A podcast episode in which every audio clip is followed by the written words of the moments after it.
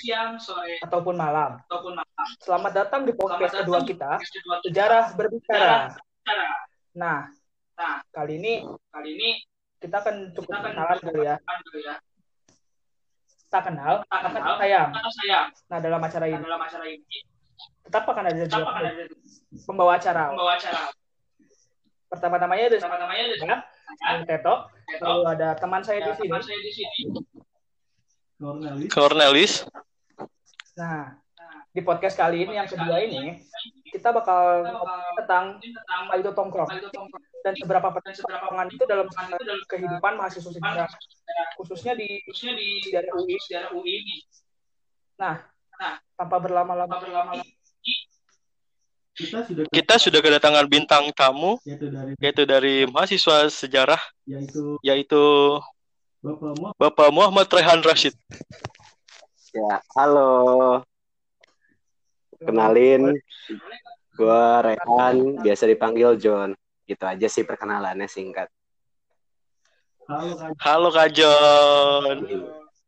langsung aja Langsung aja nih ya. Ya, menurut Kak, Kak John, itu sih apa itu sih ketongkrongan menurut Kak John itu sendiri apa?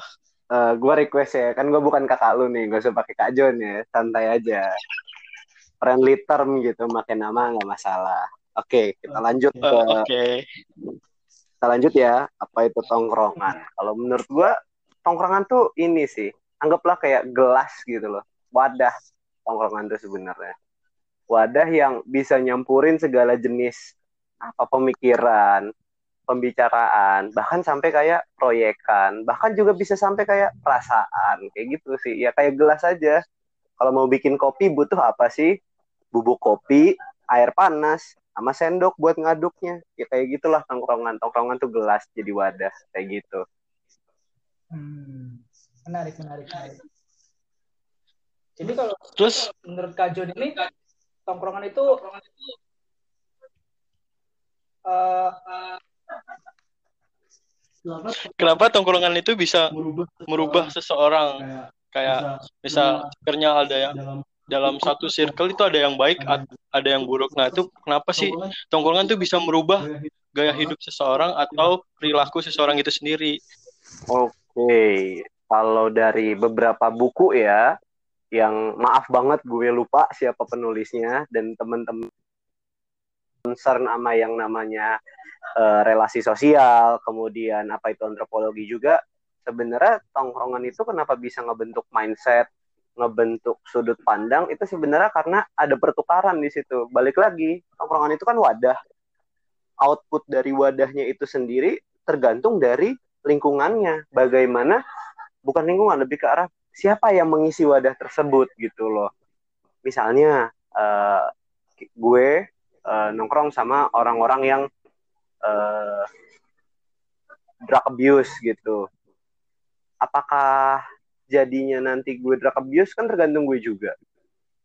Atau gue nongkrong sama yang orang-orang positif, apakah gue bakal rajin juga itu tergantung gue. Tapi ada kecenderungan jika yang dominasi nilai positif akan positif, yang dominasi nilai negatif akan menjadi negatif. Tapi balik lagi hal-hal ini tergantung kita juga yang di dalam tongkrongan itu. Jadi nilai tongkrongan itu sebenarnya tergantung manusianya. oh, gitu. Kalau misalnya menurut Kak John sendiri, Kak John sendiri, John ini John ini kayak eh, eh, terubah nggak? terubah nggak Gitu. Sorry, eh, boleh ngulang nggak pertanyaannya? Oh, gini maksudnya. Gini, Ah, kalau misalnya dari menurut pribadi Kak John sendiri nih, tongkrongan John ini ini seorang John itu nggak sih?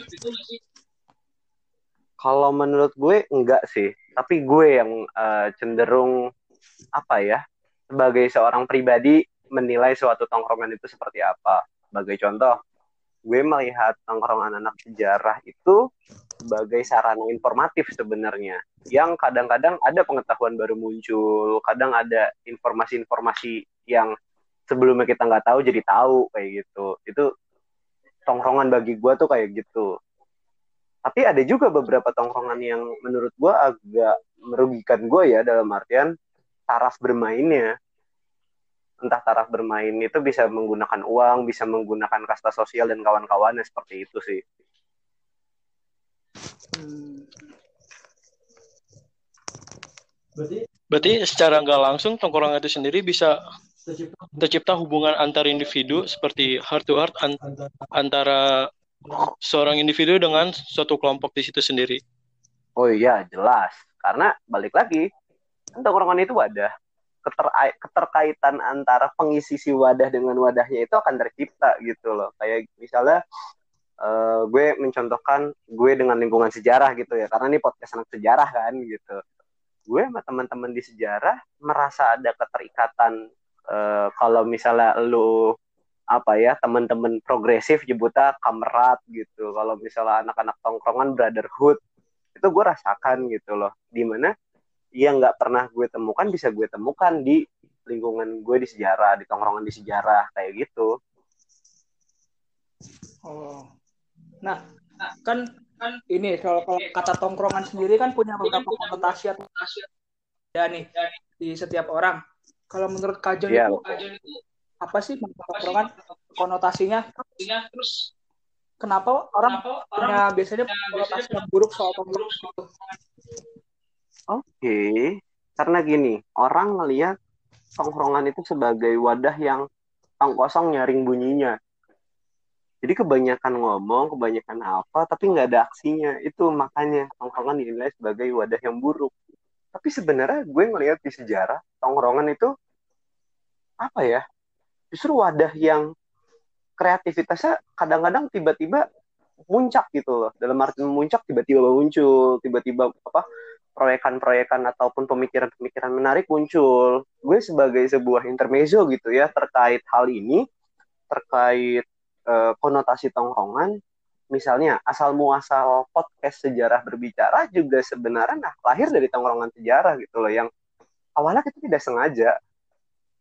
Ada temen gue yang juga juga jadi partner namanya Emilio yang jabatannya Wakabiro internalisasi dia nyeletuk "Eh, kenapa nggak kita bikin ini ya podcast yang tujuannya ngerekatin antara sejarah? Eh gue menanggapinya kayak wah bener juga nih ide dari tongkrongan ini. Gue bilang ya udah ayo bikin. Judulnya apa ya? Awalnya tuh judulnya agak-agak ke barat-baratan kayak the history apa tapi ujung-ujungnya eh, gua dan gua memberi ide kenapa nggak secara sejarah berbicara.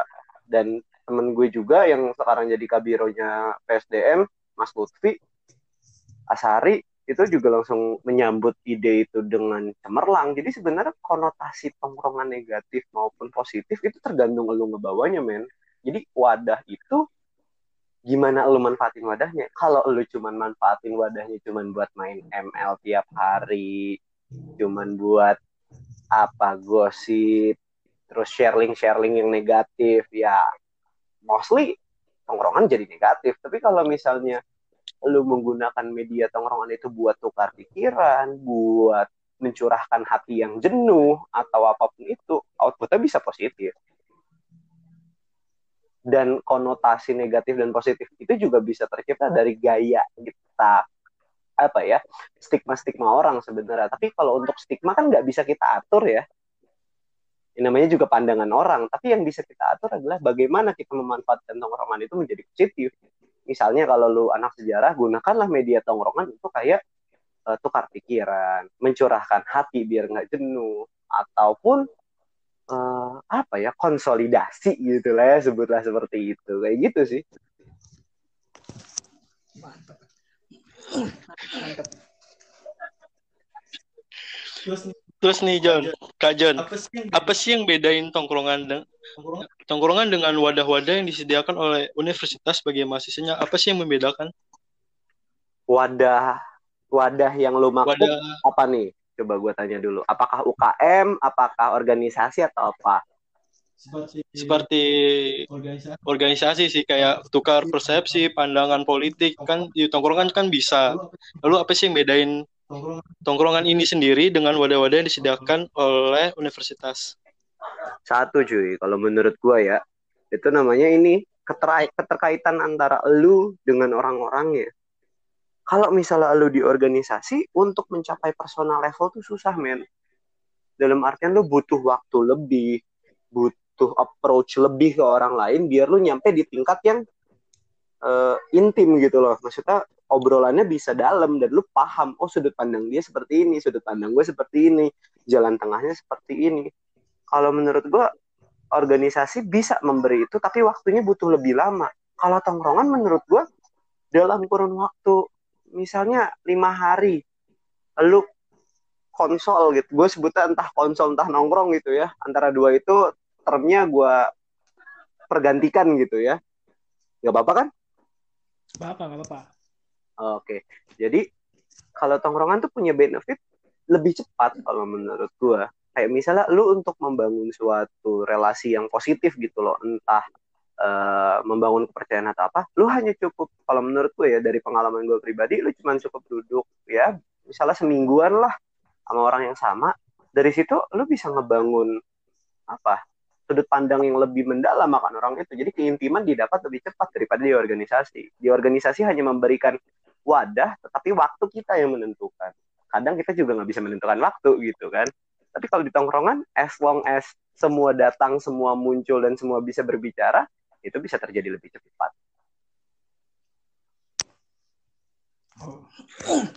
Itu kalau misalnya di himpunan atau organisasi kayak gitu lebih kayak ini nggak sih John?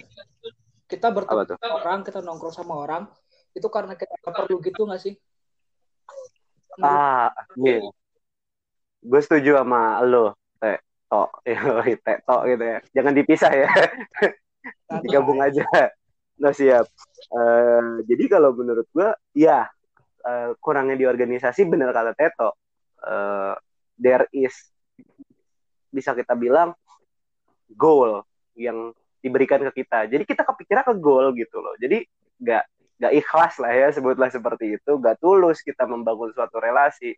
Kita hanya didorong oleh tujuan dan eh, udah didorong dengan tujuan kita hanya menginginkan apa hasil sementara tongkrongan kan bisa apa aja karena gue diajarin dari gue masuk UI sama sepupu gue relasi yang baik adalah investasi di masa depan.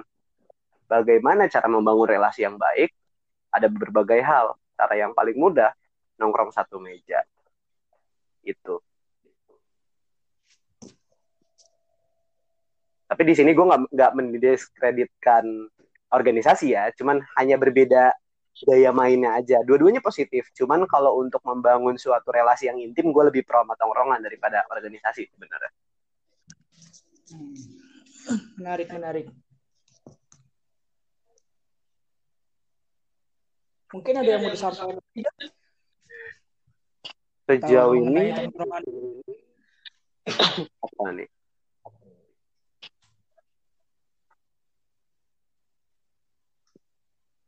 Kalau gue sih udah sih segitu aja sih sebenarnya karena menurut gue balik lagi ya tongkrongan itu kan suatu wadah yang bisa disetir gitu loh. Lu mau menjadikan wadah ini positif atau negatif? Dan yang memberikan corak negatif atau positifnya adalah bagaimana lu memperlakukan tongkrongan itu sebenarnya. Kalau lu hanya membuang-buang waktu hanya kasarnya apa sih kebiasaan mahasiswa FIB minum miras dan kawan-kawannya gitu ya itu kan nggak baik gitu loh. Dalam artian hanya membuang waktu saja. Tapi kalau misalnya kita manfaatkan untuk ya membangun relasi yang lebih intim dengan cara tukar pikiran tewe-tewe tukar wawasan atau bahkan hanya duduk dan berkontemplasi bersama wah gila sih. Itu deep banget men gitu men. Parah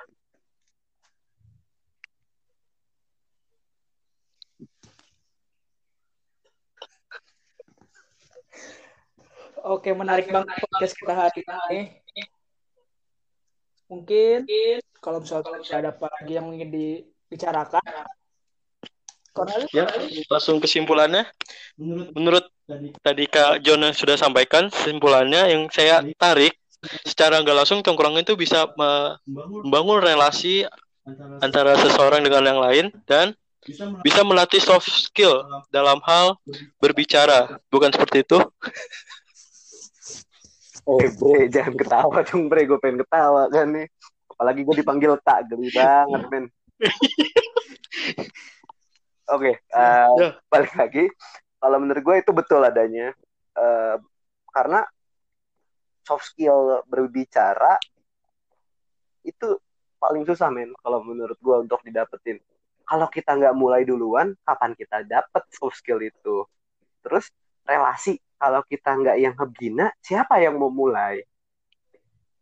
Intinya adalah as long as tongkrongan itu dijadikan sebagai wadah untuk bertukar pikiran dan eh, menumbuhkan soft skill soft skill misalnya soft skill diplomasi dan soft skill berbicara lainnya gitu ya lobbying maupun yang lainnya itu positif menurut gua tapi kalau lu udah kepleset dikit menggunakan tongkrongan hanya sebagai apa ya eh, main game doang tanpa ada pertukaran omongan itu wah men negatif men kalau menurut gue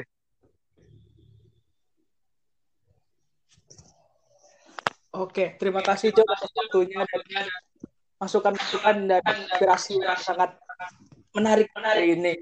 siap Mungkin itu saja dari podcast hari ini. Saya Cornelis, Saya Teto.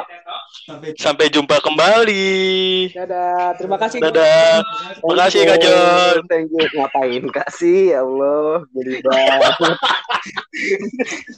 najis